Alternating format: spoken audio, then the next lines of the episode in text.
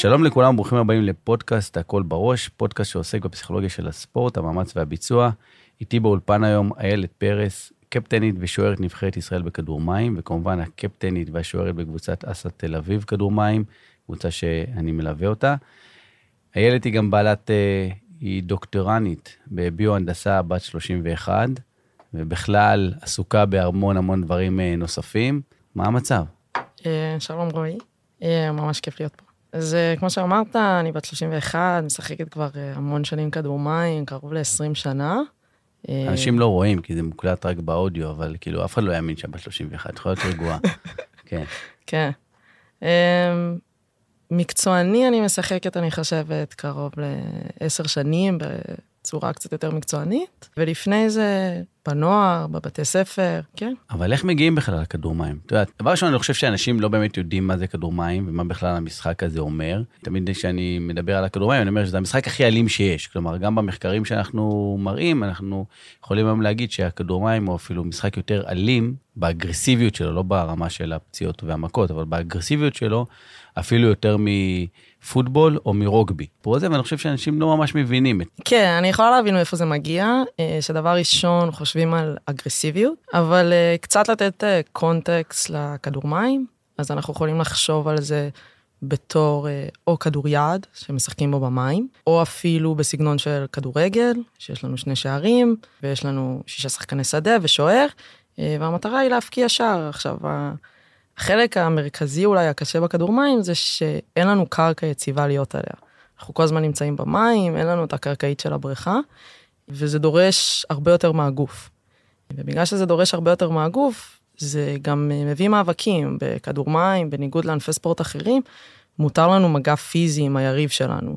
כמו בפוטבול שמותר לנו לעשות טאקל, אז, אז גם פה מותר לנו ממש להיאבק עם השחקן האחר, וזה מוציא מאיתנו, זה מוציא מאיתנו את היצר האגרסיבי הזה, כן. אבל uh, להגיד שזה אגרסיבי אלים, לא, אבל uh, אגרסיבי ברמה של uh, משחק, כמו איזה מרפק בכדורסל, כן. אני אומר את האגרסיבי כי אני מסתכל רגע על ספורט הנשים, אני מסתכל על הערך ומסתכל על ההתפתחות שבכלל של ענף הכדור מים בארץ. אני חושב שהוא הענף הכי מצליח, אם אני מסתכל על ההישגים, וגם מי שלא עוקב ממש ממש בספורט, מי שלא עכבר ספורט אמיתי, אז לא יודע שאפילו נבחרת הנשים ונבחרת הגברים הגיעו לאליפויות, אה, ומשחקים באופן קבוע נבחרת הנשים אפילו נמצאת באליפויות, ובתחרויות, בין אם זה אירופה ובין אם זה תחרויות עולם. כולל תחרויות שהתארחו פה בארץ בכמה, בכמה גילאים. בגלל שאני גם פסיכולוג ספורט ואני מתעסק גם בסטריאוטיפים ואני מתעסק גם במגדרים, אז כשאני מדבר על עניין של אגרסיביות, אני מסתכל על עכשיו בת או אישה שתרצה להגיע לספורט מסוים, איך היא בוחרת את הספורט וכמה היא צריכה להילחם עם סטריאוטיפים מסוימים. כלומר, זה, זה, זה בעניין הזה. ובעניין השני, באמת מדובר על מים, כמו שאמרת, על שאין קרקע יציבה, ועכשיו אה, זה, זה עולם שלי לקח ללמוד אותו, אני חושב, שנה, שנה וחצי. כאילו, באמת על הקשיים שיש לספורטאים בבריכה. מעבר לזה, אני חושב שהשאלה שלי פה היא באמת איך הגעת לזה. כלומר, איך מגיעים באמת עכשיו רגע לכדור מים? כלומר, אני יכול להבין, בלי לזלזל, אבל כדורסל, אולי כדורגל. אה, אז אני יכולה להגיד שהייתי ילדה מאוד פעלתנית, ספורטיבית, אה, וניסיתי הכל, ניסיתי כדורגל, ניסיתי כדורסל, ניסיתי כדוריד, ניסיתי באמת המון סוגים של ספורט קבוצתי אה, ועם כדור.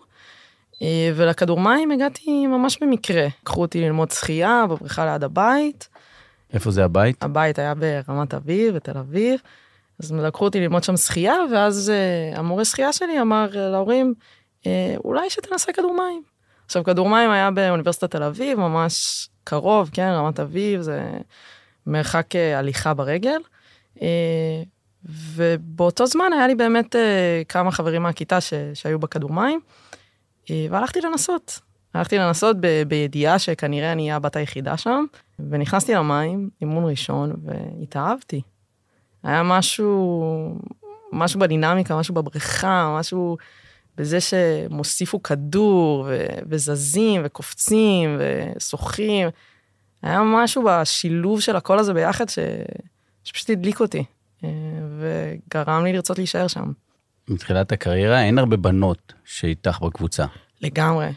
כשהגעתי אה, לשם הייתי הבת היחידה, ואז הצטרפה אליי עוד אה, חברה מהכיתה שהחזיקה ממש אה, מספר שנים קטן, הגעתי לשם בגיל שבע, אה, ובגיל 12 כבר נשארתי לבד. נשארתי הבת היחידה לבד, ואני חושבת שגם לא היו איתי עוד בנות במועדון. כלומר, אני ו... ובזה זה נגמר. אבל בגלל שכל כך אהבתי את הספורט, לא ראיתי את עצמי אה, עוזבת. נורא רציתי להישאר, וזה גם, בגיל 12 זה כבר השלב שאתה הולך לליגות ומשחק, ו, ונורא נורא רציתי את זה. אני חושבת שהנקודת משבר אולי הייתה בגיל 14, שאומרים לך שאתה לא יכול לשחק יותר עם הבנים. עד גיל 14 ב- בליגות נוער. כלומר, בוא נעשה סדר כן. למאזינים, בעצם כשאת נכנסת, את והחברה משחקות בקבוצות עם בנים. לגמרי. בקבוצה מעורבת, רק עם בנים, כן. רק עם בנים, עד גיל, אה, עד גיל 14. נכון. שגם פה צריך להגיד, זה עוד קושי, זה לא רק להתמודד עם בנים, זה את משחקת עם בגד ים שלם, והם משחקים עם בגד ים אה, תחתון.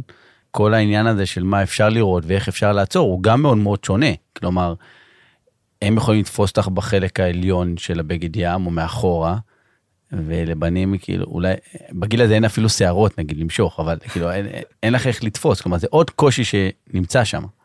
לגמרי לחלוטין. אני חושבת שזה בין היתר למה הכניסו גם אותי וגם אותה מהר מאוד לשער. Uh, במקרה שלי אני נורא התאהבתי בשער.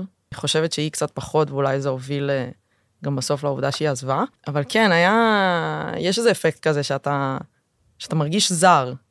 אתה חלק, אבל אתה עדיין מרגיש זר בתוך, ה, בתוך הקבוצה הזאת. אבל אני חושבת שבמקרה שלי אולי, בניגוד למקרים אחרים שכבר שמעתי, זה שהקבוצה הייתה מאוד מקבלת ומכבדת ומאוד משתפת. אמ, אז אולי התחושה הייתה זרה להיות בבגד ים אחר, ומה שאתה אומר, ש, שאתה לא יכול לתפוס ואתה לא יכול לעשות הרבה דברים, אבל מהצד השני, הבנים שהיו איתי נורא רצו שאני אשאר, ונורא עזרו לי לרצות להישאר. אז זה לא הרגיש לבד.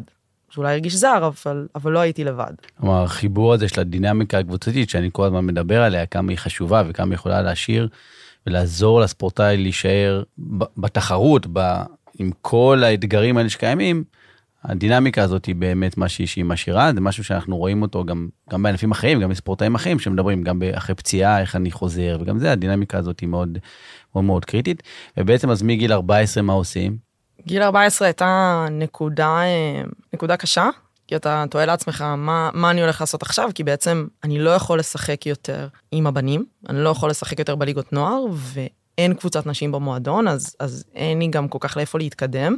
אבל בדיוק בשנה הזאת, שעוברים מגיל 14 לגיל 15, הצטרף אה, למועדון, אה, אני חושבת, אחד המאמנים האגדיים של הכדור מים, בני לנג. אה, שממש לקחתי תחת חסותו, אני ממש יכולה להחשיב אותו בתור האבא השני שלי. אה, ויחד עם עוד שחקנית בוגרת שהגיעה למועדון שלנו, אה, גרמו לי להישאר. אז נכון, לא הייתה לי מסגרת של קבוצה לשחק איתה, אבל היה לי מסגרת של קבוצה להתאמן איתה, שזה היה לא פחות חשוב. אני רוצה קצת לעשות סדר בפריימינג הזה שאנחנו מדברים, כי תמיד אנחנו מדברים על יחידות אימון. כלומר, ספורטאי מקצועי, כמה יחידות אימון הוא יכול להכניס בשבוע וכמה יכול להתאמן. כשליוויתי קבוצת כדורעף, אז חלק מהדברים שהמאמנת הייתה אומרת לי, שמע, בסוף יש לי חמש יחידות אימון שאני יכולה להיות עם הספורטאיות האלה, ואני צריכה להחליט מה אני רוצה לעשות. זה בטח לא כמו מה שקורה באירופה, שיש להם פי שלוש, זה באזור ה-15-20 יחידות אימון במהלך השבוע, לא, בוקר, צהריים, ערב, כמעט בכל יום. איך זה אצלנו בכדור מים? אז אצלנו, אני חושבת שזה כמו המקרה של המאמנת כדורעף שלך. יש בעיה מאוד קשה, כדור מים דורש בריכות. דורש גם בריכות תקניות, שאפשר להתאמן בהן, כלומר, הן צריכות להיות יותר עמוקות, יותר ארוכות, יותר רחבות. אין לנו מספיק כאלה בארץ, ואין לנו גם מספיק שעות בריכה בארץ. גם אם ניקח את אוניברסיטת תל אביב, אין לנו מספיק שעות בריכה, אנחנו מקבלים אה, שלוש שעות כל ערב, ולפעמים אה, שני מסלולים בבקרים. זה לא מספיק להכניס מועדון שלם וכמות מאוד גדולה של קבוצות. אז כן, יש הגבלה. הדרך בקבוצות הבוגרות קצת להתגבר על זה, זה, זה שחקנים שהולכים לבד ומשלימים את השעות אימון שלהם.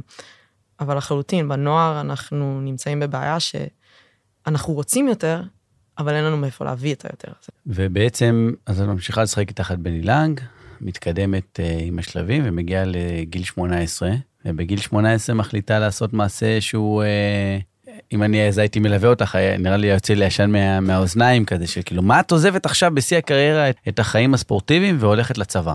ולא סתם הולכת לצבא, לאן את הולכת? אה, אני הולכת לעשות שירות קרבי, אה, בתור מפקדת ולוחמת בפיקוד העורף, בפלחץ. זו הייתה החלטה, זו הייתה החלטה קשה. זה לא משהו שבא לי בקלות, בטח גם מהשכונה שבה גדלתי. הגעתי מרמת אביב, שזו שכונה שידועה בזה שדבר ראשון מודיעין, דבר ראשון 8200, אמ, דבר אחרון, שירות קרבי ב, ביחידות מעורבות. זה היה הדבר האחרון בהיררכיה, אבל... צריך להגיד, זה, זה תחילת היחידות המעורבות. לגמרי, כן, אבל... זה ממש ההתחלה. אני חושבת שזה היה משהו באווירה, גם עם זה שהיו איתי אה, חבר'ה בנים ש... שהלכו לכל מיני מבחני סיירות או, או מבחנים לקורס טיס, וגם הדמות שגידלה אותי של, של בני, שהוא גדל בקיבוץ של גבעת חיים ו, וקצת הכניס לי מהערכים האלה. ובאמת בגיל 18 לא ראיתי את העתיד של הכדור מים, כלומר, לא הייתה לנו נבחרת נשים. לא הייתי בנבחרות נוער כי לא היו כאלה, הייתה לנו קבוצה במועדון, אבל לא ראיתי עתיד, לא ראיתי איך אני ממשיכה בספורט הזה ולוקחת את זה צעדים קדימה, ואמרתי, עכשיו יש לי הזדמנות לבדוק אספקט אחר בחיים שלי ולעשות איזשהו שיפט. זה לא היה קל, אבל הרגשתי שזה היה באותו רגע הנקודה הנכונה. אני אגיד ש, שבאותה שנה התחילו לקבל כאילו גם בבנות ספורטאים מצטיינים אה, בכדור מים. היה גם קצת לפני זה, אבל אה, אני לא ידעתי שהדבר הזה קיים. כאילו, לא, זה לא משהו שהציעו לי, ולכן הלכתי במסלול שלי. וממש, אה, אני, אני ממש זוכרת את זה, אני חושבת שזה היה חודשיים לפני שהתגייסתי, אמרו לי, אה, רגע, אבל את יכולה לקבל ספורטאי מצטיין, ואני... ובאותו רגע היה, אתה יודע, עוד פעם ערעור כזה של כן, לא, אבל כבר התחייבתי, אבל כבר אמרתי, והחלטתי להמשיך בכל הכוח עם השירות הצבאי ולהגיד, חבר'ה, עשיתי את ההחלטה שלי, ו, ותודה. ובמהלך כל השירות הצבאי אני זוכרת שהם כל הזמן נדנדו לי. כל הזמן כזה אמרו, כאילו, אבל אה, תחזרי ותקחי את הספורטאי ותעשי את זה ותעשי את זה ותעשי את זה. ובאמת... חסרה ב... לנו שוערת, חסרה לנו כן, שוערת. ובאמת בשבתות הייתי מגיעה כאילו למועדון, לקבוצה, ומשחקת איתם במשחקים, ויוצאת מתי שאני יכולה, ו... ואפילו המשחק הראשון שלי בנבחרת הבוגרת היה, היה בזמן השירות הצבאי. כשהייתי ברגילה מהצבא, אז, אה, אז טסתי עם הנבחרת למשחק, זה באמת היה איזשהו אה, טלטול במערכת, שהוביל לזה ש... שאחרי שנתיים בצבא, כשאני חתומה כבר לשנה שלישית, אמרתי שהגיע הזמן לחזור. ש... שזה הנקודה שאמרתי, זה, זה מדגדג לי כבר יותר מדי. אני מאוד נהנית בצבא, ו... והגעתי לתפקידים טובים, ועשיתי דברים טובים, אבל, אבל זה מציק לי. זה מציק לי ברמה שאם אני לא אחזור עכשיו לכדור מים, אני ארגיש חרטה. ואני חושבת שזה אולי לא קרה אף פעם, אבל אחרי שנתיים בצבא קיבלתי ספורטאי מצטיין. אחרי שנתיים שירות אה, קיבלתי ספורטאי מצטיין, אה, והתחלתי להתאמן. ואמרתי, אם לקחתי ספורטאי מצטיין בשביל לצאת מהצבא שנה קודם, אז זה עד הסוף. אז, אז זה התחייבות מלאה. אז זה לתת כל מה שאני יכולה עכשיו בשביל הנבחרת, כדי, כדי להרגיש ש, שאם עשיתי את הצעד הזה ויצאתי מהמסגרת שהתחייבתי אליה, אז שזה לא היה לחינם. רק אסדר את זה, כלומר יצאת מהמסלול הקרבי כן. הפיקודי כן. שהיית בו, כי היית גם מפקד, היית חיילת, לוחמת והיית גם מפקדת בהדרכה.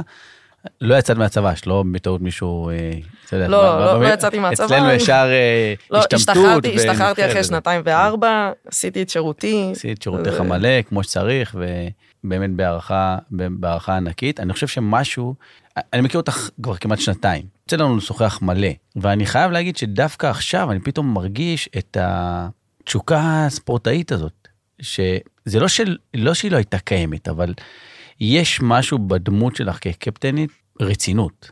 כזה כל הזמן אני רואה רצינות כאילו בבריכה ו- ולשמור על הבנות ופתאום עכשיו אני חייב לעצור ולהגיד שאני רואה איזשהו לא יודע תשוק כאילו משהו אחר טיפה בעיניים, כאילו אושר כזה, כאילו ממש מטורף, אולי זה בגלל שנגמרה העונה, את מרשה לעצמך, יכול להיות, או שבגלל שכאילו החדר סגור פה וזה יותר קל להגיד, אבל זה משהו שהוא, אם לא רואים, אבל אני חושב שהם שומעים את התשוקה הזאתי, של איך ספורטאי, לא משנה מה הוא עושה, מרגיש את הרצון הזה לחזור ולהישאר ולהיות ולשחק עם הבנים, ללכת לצבא ולחזור אחרי הצבא ולהרגיש שמשהו עדיין חסר לך ושרוצים לעשות.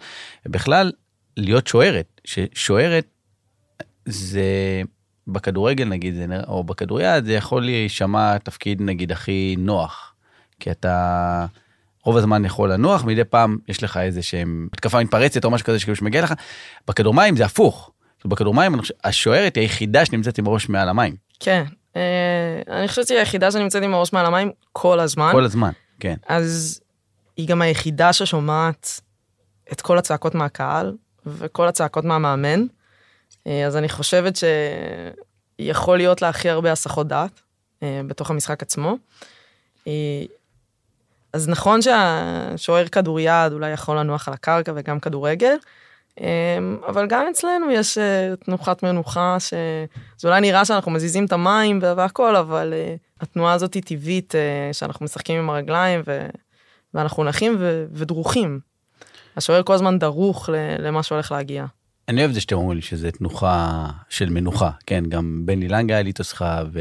ועם עידו היה לי שיחה על זה, וכולם קוראים, לא, זה, הם נחות, הם לא באמת, רועי נגיד אמר, הם לא מתעייפות, הם כאילו בזה, תשמעי, עשיתי את זה כמה פעמים בבריכה, גם מזה מתעייפים, כן, להזיז רגל ימין, רגל שמאל ולהישאר עם הגובה מעל המים, זה, זה עדיין לא כמו לעמוד על, ה, על האדמה ולהיות, אה, ולהיות רגוע. ונכון שככל שאני מתאמן יותר, אז התנועה הזאת היא יותר אוטומטית ויותר רגילה, ואז אני כביכול משתמש בפחות אנרגיה, מבזבז פחות משאבים שלי. בהסתכלות של הדריכות, זה עדיין, אני צריכה ככה, מתי עכשיו לתת את המכה הזאת בשביל לעלות, לקחת את הכדור וזה, הדבר הזה נראה לי הוא מאוד, אה, הוא מאוד קשוח. אני חושבת שזה נכון, שככל שאתה מתרגל למשהו, אתה... אז זה נהיה יותר מנוחה ואתה פחות חושב על המאמץ שבתוכו. אה, וגם הצד השלילי נקרא לזה של הדבר הזה, זה שזה גורם לך לשאננות. כי אם אתה נשאר בתנוחה הזאת הרבה זמן, אז אתה מאבד קצת אה, קשר עם המשחק אולי, ולהכניס את האלמנט של הדריכות לתוך תנוחה שהיא אמורה להיות המנוחה שלך, זה לא תמיד דבר כזה פשוט. לדעת שאתה כל הזמן צריך להיות בתוך המשחק, אבל אתה צריך שהגוף שלך ינוח, כי עוד שנייה אתה צריך להוציא כוח מתפרץ מאוד חזק לקפוץ לכדור, אין לנו קרקעית, אז איכשהו אני צריכה לזנק לכדור שאולי לא אמרתי את זה בהתחלה, אבל הרוחב של השער הוא שלוש מטר, והגובה זה מטר. אז uh, כל פעם שאנחנו עושים קפיצה, צריך לחשוב שאנחנו צריכים לעלות בין חצי מטר למטר מעל פני המים, בשביל לקחת את הכדור הזה. אז להוציא את הכוח המתפרץ הזה בשביל לעשות את הפעולה הזאת, זה לא דבר פשוט, ובגלל זה צריך תמיד את הניואנס הקטן הזה בין להישאב לתוך המנוחה הזאת ולשאננות, לבין להיות דרוך למשימה, אבל, אבל לא לכווץ את הגוף. איפשהו הבלנס הזה בין להיות רגוע לדרוך, לפעמים הוא מטשטש. לפעמים הגולים הפשוטים האלה ש, שמקבלים, זה זה, זה נפילה כאילו בדברים הקטנים של, של הנפילה הזאת בין הדריכות ל... ל לרגיעה, לשאננות, אה, שם זה נופל. אני, הרקע שלי הוא כמובן רקע צבאי, אז זה חלק מהדברים שאנחנו מדברים. יש הרי, עכשיו עלו לכותרות ה-12 שעות שחיילים היו ב... בגבול מצרים, ומדברים כל הזמן על דריכות, וחלק מהדברים שהייתי מלמד את החיילים זה באמת, אתה לא יכול שמונה שעות, ארבע שעות, שעת, גם שעתיים אתה לא יכול להיות דרוך שעתיים, כאילו עכשיו להחזיק, משהו מתעייף, הקשב שלי הולך, והרעיון הוא באמת כל הזמן לקלוט, לשחק עם עצמי, ולהגיד, אוקיי, עכשיו אני יכול להרגיע, כי אנחנו בהתקפה, אני יכולה קצת להיות רגועה, אני יכולה לזה, ועכשיו שהתקפה איתנו, אני צריכה פתאום להידרך, כאילו, וגם שמה זה טיפה לחלק, כי כל התקפה היא חצי דקה, לפעמים היא מתארכת קצת יותר, אבל חצי דקה, ולא מהחצי דקה הראשונה אני חייבת להיות דרוכה, כלומר, כי אני, אני לא אחזיק מעמד בשתי שניות האחרונות שהן הכי קריטיות, לדוגמה, או בחמש שניות האחרונות שהן אה, קריטיות אצלנו. ואני חושב שזה חלק מהקושי של באמת מה שאת אומרת, איך אני שומרת על הדריכות הזאת בכלל במשחק, שגם פה, בגלל שאין לך ממש תנועה אמיתית כשוערת, יש את הקושי הזה, שהוא, שהוא יושב שם. ואני רוצה לחזור רגע, אני משחקת באסה תל אביב, שבאסה תל אביב, אה, בקבוצה שלנו, את הכי אה, בוגרת בסיפור כן, הזה. כן, אני ועוד שחקנית אני חושבת שאפשר להגדיר את זה בתור הבוגרות, אז צריך, צריך להבין, אז יש אותי שאני בת 31, ואז הבאה אחריי היא בת 23, והבאה אחריה היא כבר בת 20, ומתחת לזה זה, זה 18 ומטה, לרמה שיש איתנו שחקנית שהיא בת 14. וזאת הקבוצה. יש פה דינמיקה שהיא מאוד מוזרה. זה להיות השחקן אה, הבוגר, האמיתי בוגר, כאילו, גם מבחינת גיל, גם מבחינת ניסיון, אה, ותק במועדון, בקבוצה, אבל גם צריך להבין איך להתחבר עם עם השחקניות הצעירות יותר בשביל להרים אותם למעלה אה, ולחבר אותם לקבוצה הבוגרת, כי יש לפעמים לשחקניות נוער אה, בעיה של שייכות, כלומר, מצד אחד הן נורא רוצות לשחק בשביל הקבוצה הבוגרת, אבל בפנים הן עדיין ילדות, והן רוצות לשחק עם הקבוצה שלהן, ולפעמים הדיסוננס הזה הוא קצת קשה, לעשות את הקפיצה, קפיצת מדרגה הזאתי. אז זה דינמיקה קבוצתית אה, מאוד מוזרה. ואם נחזור עשר שנים אחורה, ש, שהשתחררתי מהצבא, שזה... הייתי בת 21, אה, אז הייתה איתי באמת קבוצה של, של ילדות ילדות. כלומר, הייתי ממש אה, הבוגרת, וכל מי שהייתה איתי היו פחות מ-18. אפילו השחקנית שהיא בת 23, הייתה אז ממש ילדונת. ו... ואני תמיד חושבת על זה שזה עשר שנים ש... שממש גדלתי עם הילדות האלה. שממש ראיתי אותן אה, מתפתחות, וזה היה מאוד, אני חושבת שהשנה זה היה לי מאוד עוצמתי. כי באמת השנה אה, עזבו אותנו כמה בנות שהולכות אה, לשירות צבאי, ו... וזה היה מאוד עוצמתי מבחינת, מבחינתי השנה, לראות, כאילו לזכור אותם מזה שהן היו נורא קטנות, ועוד הייתי כועסת עליהן שהן לא יודעות לעשות כל מיני דברים מסוימים, כי אני הייתי הבוגרת ונורא רציתי להצליח, אה, לבין עכשיו שאני מסתכלת עליהם בפליאה של וואו, איזה דרך הם עשו. שזה גם אבל קשה, כי את בת 30, יש לך מטרות, יעדים שאת רוצה להשיג, בהיבט שלך את נמצאת גם ב-level טיפ, טיפה אחר בחיים. אני חושב שגם לצוות אימון זה איזשהו אתגר. אתגר עכשיו להג... אני זוכר את עצמי, אפילו בשיחות קבוצתיות, אני צריך להגיד דברים ולהכווין אותם לאיילת, שהיא בת 30, שלומדת אה, ביו הנדסה, שאין לי חצי מושג והבנה בדבר הזה, אני רק יודע שאת מאוד מאוד חכמה, ואני צריך לדבר עם ילדה בת 13. אה, שאני צריך להעביר לה את התכנים, וזה, אתה לא רוצה לאבד אף אחת, אתה רוצה שכולם יגיעו לאותה מטרה, ולפעמים הדבר הזה הוא מאוד מאוד קשה, וגם בהסתכלות שלפעמים של הבנות עלייך, יש דברים שאת יודעת כי את מרגישה אותם, את יודעת להביע אותם, את יודעת להגיד אותם, והן מסתכלות והן לא תמיד מבינות לגמרי מה, מה אנחנו רוצים מהם. כלומר, שאנחנו מדברים על השקעה, נגיד. כל אחד הרי חי בעולם שלו, בבעיות שיש לו, לה יש את הבעיות שיש לה את הבגרות ואת הצופים, ועכשיו הם יכעסו עליי, כי אני כאילו מכווין, אבל אה, כל אחת יש לה את הבעיה שלה, ובסוף אנחנו כביכול המבוגרים מגיעים ואומרים, שמעו, הבעיות שלכם הן מינוריות, על מה אתם מדברים בכלל? כאילו, זה לא באמת הבעיות הגדולות בחיים, אבל אין להם מושג, כאילו, אין להם מושג על מה את מוותרת. לגמרי. אה, אני חושבת שתמיד היה להם, אולי מצד אחד היה להם איזושהי הערכה למה שאני עושה, אבל היה קשה להם לתפוס את העולם שממנו אני מגיעה. אה, וזה היה הרבה פעמים לנסות להסביר להם אה, למה לשחקן שהוא בוגר וחי את ה... נקרא לזה החיים האמיתיים של הבוגרים, יש אתגרים הרבה יותר קשים ומשמעותיים. אבל מבחינתם, כן, הם, ילדות, מבחינתן בגרות זה, זה האתגר הכי, הכי גדול וקשה של החיים, ו, וגם אני הייתי בנקודה ההיא שהם היו אז.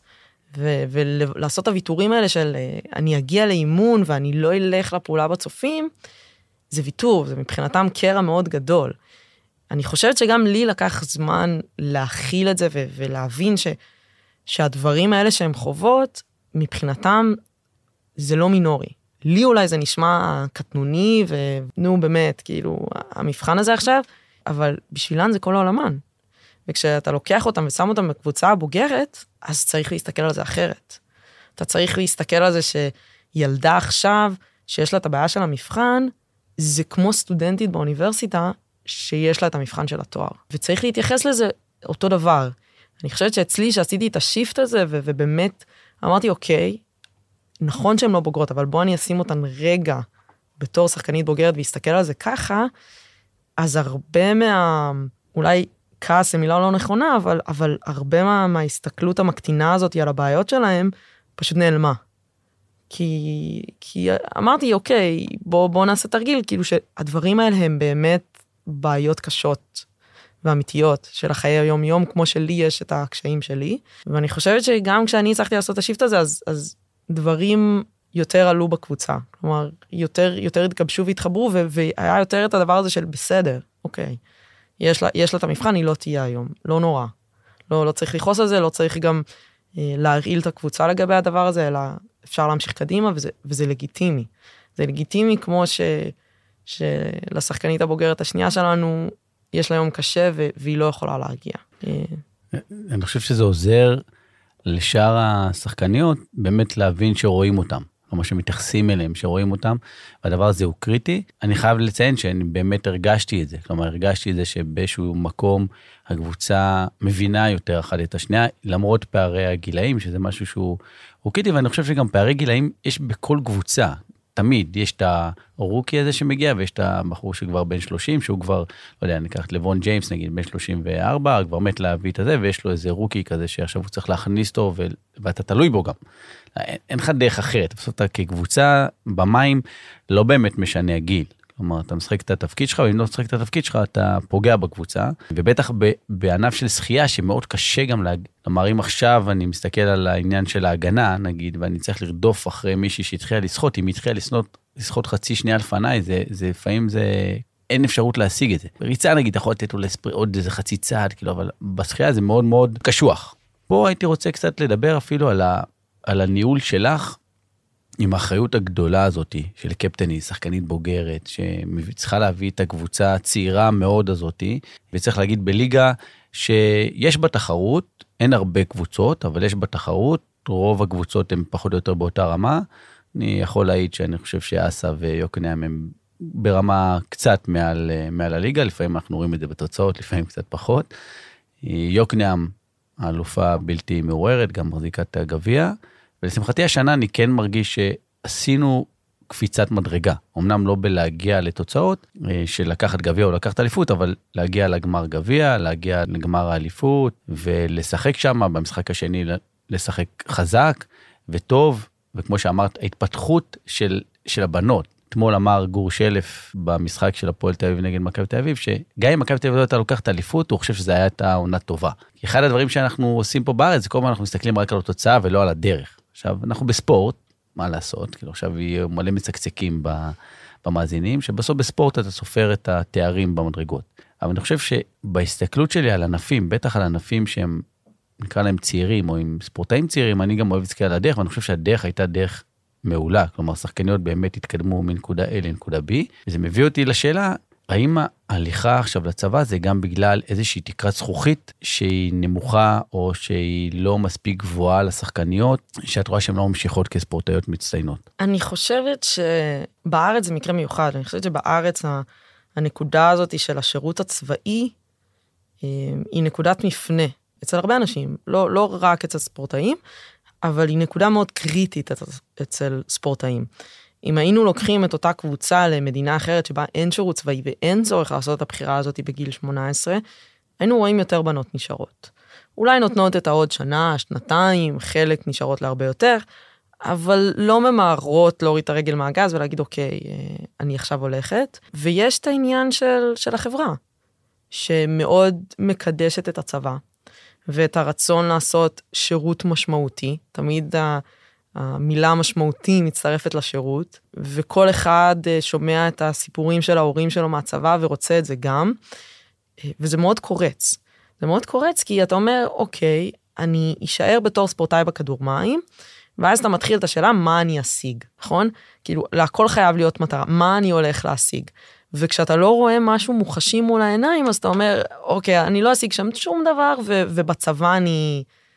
בצבא אני אשיג חברים, ואני אהיה במסגרת אחרת, ואני אעשה דברים שאני, אחרים שאני אוהב. ובכדורמים אני לא רואה את, ה, את המטרה הזאת מול העיניים. וזה עוד יותר מתחדד אצל בנות שלא רואות את הנבחרת בתור המטרה שלהן. כלומר שאין להן שאיפה להיות בנבחרות ולהיות בטופ של הטופ, אלא הן נורא אוהבות את הכדור מים, הן נורא אוהבות לשחק, אפילו רוצות אולי להתמקצע יותר, אבל אין להם את, את הדבר הבא.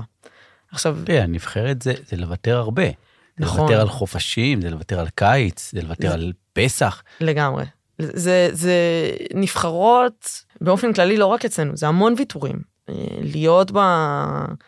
ב... בעילית, להיות הדובדבן שעל הקצפת, זה, זה קשה. זה דורש המון מאמץ, המון ויתורים, המון עבודה, אין ספק. וזה לא מתאים לכל אחת. אני לא... חושב שגם בכדור מים יש אולי טיפה משהו שונה, תקני אותי אם אני טועה. את מתאמנת מראשון עד חמישי, יש לך אימונים, אפילו שתי אימונים ביום, אימון בוקר שחייה ואימון בערב שהוא בדרך כלל טקטי שחייה גם של שעה וחצי, שעה וחצי, פלוס עוד איזה אימון במהלך השבוע של חדר כושר. ומי שבנבחרת, יש לה שתי אימונים בשבוע בנבחרת, פחות או יותר. נכון. אה, השנה זה באמת היה אה, שנה חריגה בנבחרת. עד עכשיו היינו מתאמנות אה, יותר אימונים במסגרת הנבחרת במהלך השבוע, לרמה שעד לפני כמה שנים היינו מתאמנות רוב השבוע בנבחרת, שני אימונים ביום, ומגיעות פעם אחת בשבוע או פעמיים בשבוע למועדון. השנה זה טיפה השתנה וזה ירד לשני אימונים שאנחנו נמצאות בנבחרת. ואנחנו לא רואות את. את השחקניות במועדון שלנו, ואז מגיעות לשאר השבוע למועדון. וזה עוד צעד משמעותי ו- ו- וקשה שאתה צריך להוסיף לעצמך וויתורים שאתה צריך לעשות ו- והמקום שהנבחרת מתאמנת בה זה לא המטר ליד הבית שלי ואיפה שאני גר אז, אז זה עוד מאמץ שאני צריך לעשות. חלק מהשחקניות זה זה מרחיק אותן העובדה הזאת שצריך לעשות האקסטרה מאמץ שזה לא שזה לא אני אשאר ליד הבית ואני אתאמן שם בסביבה שנוח לי ומה, ואני אעשה אה, מה שטוב לי. אה, ואני חושבת שזה שחקניות מסוימות זה זה גורע מהם העובדה ש, שאני לא הולך אולי רק בחופשים אלא אני הולך כל השנה לנבחרת אה, זה גורם להם לרצות לא להיות שם. אה, אבל זה חלק מסוים וזה בסדר. זה בסדר שגם יהיה לנו שחקנים בענף שלא ירצו להיות בנבחרות. כי בסופו של דבר השחקנים האלה הם מה שמחזיקים לנו את הענף בחיים. כי אם היינו מתרכזים רק בטופ של הטופ, אז לא היו נשארים לנו מועדונים. כי לקבוצת כדורמים אתה צריך 13 שחקנים. אז זה בסדר שבקבוצה יהיה לי גם שחקניות שלא רוצות להיות בטופ. אבל השאלה היא, המאתגרת, איך אני גורם להם להישאר? איך אני משאיר אותם לרצות כל הזמן להיות שהשחקניות לצורך העניין הכי טובות של הקבוצה לא נמצאות איתי חלק מהשבוע ואיך אני גורם להם לרצות להישאר כשמגיע המפנה הזה של הצבא. אמ, וזה נקודה שהיא לא פשוטה שאנחנו מתמודדים איתה כל שנה לפעמים בהצלחה לפעמים לא. אני מסתכל גם על המחקרים בכלל כשאנחנו מדברים על אימונים אנחנו אומרים שהאימונים צריכים להיות הכי דומים למשחק. ביום ש... אין שחקניות נבחרת בקבוצה, בלי לזלזל כמובן בשום דבר, הרמה היא טיפה יורדת. כלומר, המאמן מאוד מאוד לחוץ שלרמה תישאר אותו דבר, אבל ברמה הפיזית, זה, זה, זה לא בגלל שהשחקנית לא נמצאת, אז עכשיו אני מורידה את הרמה שלי, אבל מה לעשות, כשהילד בשער והיא חוסמת אה, שמונה או שבע, לא יודע, אני לא רוצה לא לזלזל בך ולא לזלזל בזורקת, שהיא זורקת שבע, שהיא חוסמת שבע מהזריקות שלי, ועכשיו פתאום יש שוערת יותר אה, צעירה, שכבר הזריקות שלי כן נכנסות, זה לא משפר אותי בעצם למשחק. כלומר, זה משהו אחד שיושב לנו על, ה, על העניין הזה. והדבר השני, אני חושב שזה באמת מה שאת אומרת, העניין הזה של רגע איך להיות מחויבות. יכול להיות שהשייכות הזאת שדיברנו עליה קודם, שאם עכשיו אני נשארת שמה, היא תתמוך ותשאיר את הבנות האלה לרצות עוד. בהיבט שלי, בהרגשה שלי, אנחנו כל הזמן בתהליך, ואז מגיע גיל 18, והתהליך נעצר. עכשיו, שנה הבאה אנחנו צריכים לבנות קבוצה מחדש. יש לנו הרבה בנות שהולכות לצבא, אנחנו צריכים לבנות בעצם קבוצה מחדש, והגענו, אני באמת מרגיש שיש התקדמות משנה שעברה לשנה, וזה כאילו נעצר כזה. ופה אני חושב שזה משהו שאת חווה אותו כמעט כל שנה או שנתיים. כן, אמ, אני חושבת שאצלנו ספציפית במועדון שלנו באסה תל אביב, אז, אז באמת, כאילו כל, כל שנה, שנה או שנתיים זה מרגיש שאנחנו, שאנחנו צריכים לעשות איזשהו ריסטארט למערכת, להתחיל מחדש. זה לא לגמרי מחדש, אבל זה, אבל זה לעצור, להוסיף בנות צעירות יותר, להתחיל לעבוד, וזה גם אומר לחזור אחורה, כלומר להתחיל ללמד מחדש דברים ש, שכבר עברנו עליהם אה, הרבה פעמים. נכון שיש את העניין הזה שאולי שהשחקניות הכי טובות לא נמצאות, אז, אה, אז נהפך להיות אתגר. אה, כמו שאתה אומר, אולי הרמה של האימון יורדת. אה, וזה אתגר למאמן. זה אתגר מאוד קשה למאמן לדעת איך להתמודד עם הקבוצה הזאתי, עם מי שנשארות, ולהעלות אותם, ולקרב אותם לרמה של השחקניות שלא נמצאות, ולהחדיר בהם את המוטיבציה הזאת לעבוד קשה ולא לוותר על האימון הזה, כי זה בסוף יעזור לקבוצה. אני חושבת שבגלל שיש פה אלמנט קבוצתי, אה, ובגלל שאנחנו רואות אותם כן במהלך השבוע, אז יש אינסנטיב, יש תמריץ לעבוד קדימה בשביל שכשאנחנו נחזור, אז הרמה תהיה טובה. אז, אז, אז יהיה קרב טוב בין הבנות. וכן, אם אנחנו מסתכלים על השנה הבאה, אז, אז עוזבות לנו חמש בנות מאוד מאוד משמעותיות, אה, שתרמו המון לקבוצה שלנו ועשו התפתחות מטורפת בשנים האחרונות. אה, וזה קשה, וזה כואב, כי זה בנות שאני ממש זוכרת אותן מגיל קטן, אה, אבל זה בסדר, כי ייכנס דם חדש, צעיר יותר, בנות שאנחנו מחנכים ומגדלים, ורוצים להביא לרמה הבאה. ומה שמרגיש לי שזה גם עם כל שנה שעוזבות לנו הכמות הזאת של הבנות, הצעירות שעולות כבר רוצות לקחת ספורטאי. כבר רוצות להמשיך עם זה באופן מקצועני וקדימה. אז זה סוג של תהליך התבגרות ו- וגלגל שעובר על הקבוצה, ש- שזה בסדר, זה בסדר שעכשיו אנחנו מאבדים, אבל אם אנחנו נסתכל, אם התוכנית שלנו נסתכל עוד חמש שנים קדימה, אז אני רואה שעוד חמש שנים קדימה, כבר יהיה לנו יחסית הרבה יותר בנות בוגרות. הרבה יותר בנות מעל גילאי 18. ואיך לך זה? באמת אני שואל, איך לך כשחקנית אה, בוגרת, ואני נוגע פה קצת בפצעים הכואבים, כן? עשר שנים משחקת ב... כשחקנית מקצועית, כל שנה את כמעט נוגעת בתואר, ולא מצליחה להביא את התואר, כי מה לעשות, זה לא רק תלוי בך, את תלויה בעוד שחקניות. כל שנה להתחיל שוב. אה, כן, זו נקודה רגישה, אני חושבת שאפשר לחלק אותה לשני אספקטים. מצד אחד יש את, ה... את זה שאני שחקנית בוגרת, שאני נמצאת כבר עשר שנים, שחזרתי בשביל לעזור למועדון, בשביל להרים פה קבוצת נשים, ושנים נלחמתי על התנאים שלנו ומה אנחנו מקבלים ועל התנאים של השחקניות. ו... והחלום הזה של להביא תואר למועדון הזה, לבנות האלה, לקבוצה הזאתי, זה משהו שכל הזמן מדגדג, ולהיות כל שנה צעד מזה ולא להצליח לעבור, זה נורא קשה. וזה גם לדעת שכל שנה אתה מתחיל את התהליך הזה מחדש ומקבל בנות צעירות שאתה צריך ללמד אותן מהר כדי להשיג את, ה, את התואר הזה. זה נורא מתסכל. אמ, זה גלגל שכל הזמן מסתובב ו, ואתה רוצה שהוא ייעצר בתואר. אתה, אתה ממש רוצה שהוא ייעצר בתואר. ומהצד השני, שאני נמצאת בו בעמדה של השוער, אני חושבת שהמכה היא אפילו עוד יותר קשה. כי בתור השוער, אתה המחסום האחרון של השער. אתה האחרון שיגע בכדור ו- ו- ו- וזה יהיה המקרה של בין אם הכדור ייכנס או לא ייכנס. וכל פעם יש את הנקודה הזאת שאתה אומר כאילו, יכלתי לעשות עוד משהו. יכלתי לעצור עוד כדור. יכלתי לשנות את המשחק. עכשיו, בניגוד לכדורגל, ש, ששם משחקים נגמרים במספרים נמוכים, אני לא מדברת על משחקים מופרעים של כן, 7-0, לא. אלא שהמשחקים... אה, 1-0 בליגת כן, האלופות. עכשיו אפילו כן. נבחרת הנוער של עד גיל 20, נכון? ניצחה 1-0, או 3-1, אני לא זוכרת, אבל המשחקים הקטנים האלה, אז שם המשחק בונקר ההגנתי הזה, שאתה, שאתה נורא שומר על השער, בכדור מים הוא הרבה יותר קשה. בכדור מים הדינמיקה הזאת של לשמור על השער ולשמור על מספר שערים נמוך, הוא, הוא הרבה יותר קשה ומשמעותי, ו... וזה קשה להסיר ממך את האשמה. קשה, זה קשה לנתק את זה, וזה כל שנה אתה אומר כאילו, אולי זה היה באשמתי, באשמתי לא, אם הייתי עוצרת עוד כמה, אז, אז היינו מצליחים לקחת את זה. אז זה, זה שני עולמות כאלה ש, שכאילו אתה סוחב איתך ואתה אומר כאילו אנחנו לא מצליחים להביא, לא מצליחים להביא, לא מצליחים להביא. ואני חושבת שהשנה, השנה היינו קבוצה מיוחדת. באמת, מהעשר שנים היינו באמת קבוצה מיוחדת מאוד מגובשת, מאוד ביחד למרות פערי הגילאים, עם המון רצון ללכת קדימה, ונלחמנו בשיניים אה, במהלך העונה הזאתי, וגם בפלייאוף, ותמיד חסר את הגרוש ללירה. כאילו, משהו בסוף, בשני משחקים האחרונים, משהו לא מספיק. אני חושב שדבר ראשון זה מאוד מובן. כלומר, גם שאני אקח רגע, נגיד, את המשחק כדורגל, שהוא המשחק הכי מוכר, אז שני השחקנים בהארדקור של האחריות זה השוער והחלוץ. כמו שאת אומרת, השוער, הסברת בדיוק למה, החלוץ אותו דבר, כי כביכול הוא קיבל את הכדור והוא יכל להבקיע, כן, לא יכל להבקיע.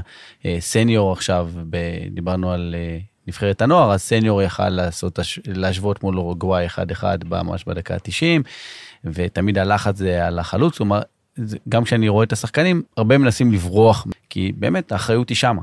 ושם אין מי שיחפה עליך. כלומר, קיבלת את הכדור, יכלת להפקיע, לא הפקעת, היית שוער, אתה האחרון, נכנס לך הגול אה, לסיפור הזה. אני חושב אנחנו לא, ב, לא בטיפול ולא בשיחה כאילו שהיא טיפולית, אבל כשאני מסתכל על המטרות הגדולות שגם דיברת בהתחלה, אז אני חושב ש, שאם אנחנו מסתכלים על הדבר הזה ולא ספציפית רגע על התואר ועל ההתקדמות, אני חושב שמה שאת עושה במועדון הוא, הוא מטורף, הוא מטורף, ועל זה צריך להסתכל. איך שהשחקניות מסתכלות עלייך, איך שהשחקניות רואות אותך, איך שהשחקניות המובילות בנבחרת, כלומר רואות אותך, ולמה הן באות בכלל לכדור מים. אני חושב שאמרת בהתחלה שחזרת בשביל לעזור למועדון להתקיים. הוספת שם גם להביא תארים, אבל אני חושב את השלב הראשון עשית, השלב השני הוא לא תמיד, הוא לא באמת תלוי רק בך. כלומר, הוא תלוי בהמשכיות, ואנחנו תמיד אומרים שבספורט אין מה לעשות, כמעט ואין קיצורי דרך. מדי פעם לסטר לוקחת איזה אליפות אנגליה כזו פתאומית, ואז היא בדרך כלל אחרי שנה, שנתיים מתרד ליגה, קריית שמונה, כזה כל מיני דברים שקורים פעם ב. אבל להמשכיות ולהתמדה יש, אה, יש את התוצרים, שזה אחד הבעיות שהמועדון שלנו מתמודד איתו, שאנחנו בעצם פה אה, מתפרקים. ממש לפני הסוף, כן הייתי רוצה שקצת נדבר על האיזון הזה. בין ספורט לבין חיי אקדמיה, לבין חיים אישיים. כן, זה, זה איזון לא קל. זה בלנס באמת באמת לא פשוט. אני חושבת שצריך להבין, כדור מים, אולי בניגוד לענפי ספורט אחרים, אה, לפתח קריירה רק מכדור מים, ושההכנסה שלך תתבסס רק על כדור מים, זה נורא נורא קשה. זה ענף שיש בו כסף, אין בו הרבה כסף, לא מספיק בשביל שאתה תוכל להתקיים חיים בוגרים. זה תמיד נמצא לך בראש שאתה צריך לעשות משהו עם החיים שלך ולפתח אותם קדימה. אה, ואני חושבת שבשבילי המסגרת הראשונה הייתה להחליט של, אוקיי, אני ממשיכה עם הכדוריים באופן מקצועני, אבל, אבל אני אתחיל ללמוד, אתחיל ללמוד תואר. אה, אתחיל ללמוד תואר ראשון ואראה איך דברים מתגלגלים. והרגשתי במסגרת הזאת של מצד אחד אני עושה תואר, מצד שני אני מתאמן בכדור מים, מאוד בנוח. הדברים מאוד הסתדרו לי, תמיד המערכות הסתדרו לי עם האימונים, עם, עם המשחקים, עם מה שהיה צריך, והרגשתי שמצאתי שני דברים שאני נורא אוהבת לעשות. וכשאתה אוהב לעשות משהו, קל לך למצוא את האיזון בין השניים. ואני חושבת שזה נכון גם מה שאומרים לגבי ספורטאים, שהם יודעים לנצל את הזמן טוב.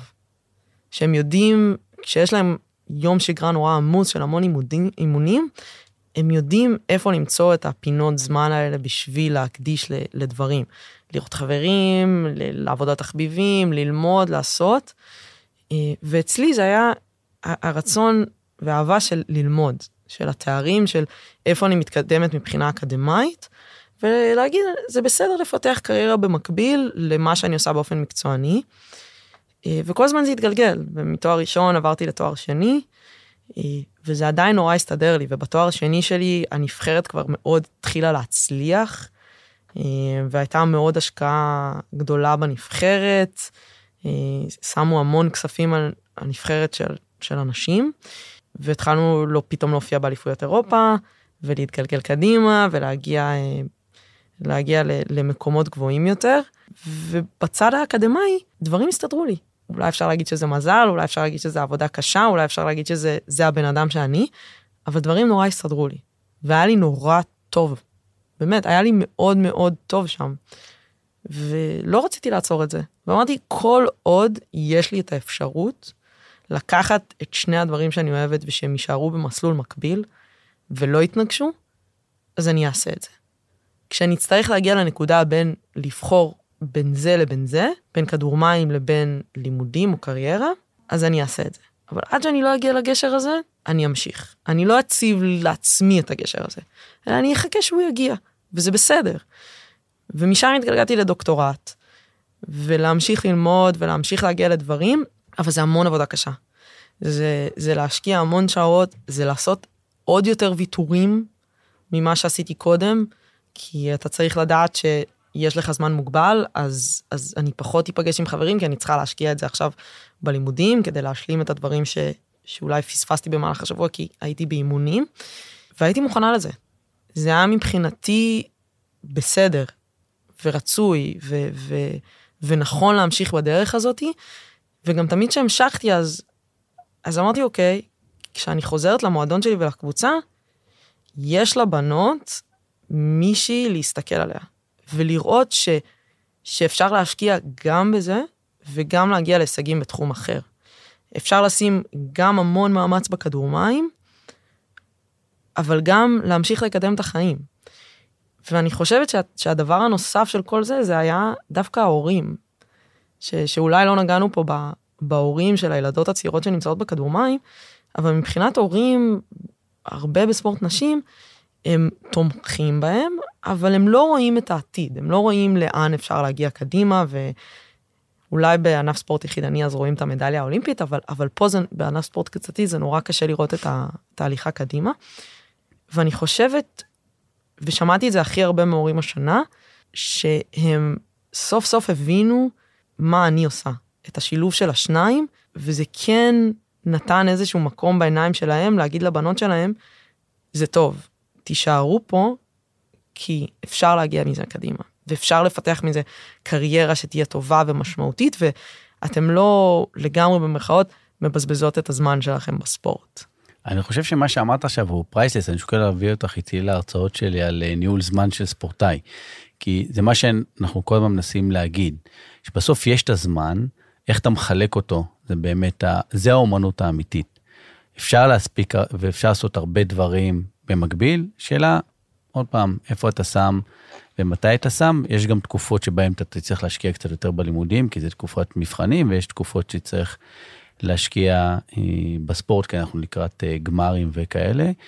בארץ לפעמים הדברים האלה הם קצת מגבילים, כאילו סוף סמסטר במבחנים הוא יהיה צמוד לפלייאוף, אה, ולפעמים זה קצת יפריע, אבל אם אנחנו באמת יודעים לנצל את הזמן, אני חושב שזה משהו שספורטאי ובכלל ספורט עוזר היום לעשות, בטח בעולם שלנו של עשרות אלפי תוכניות בנטפליקס וב, ובדיסני פלוס, וכל אחד עכשיו ממציא לו איזה סטרימינג כזה.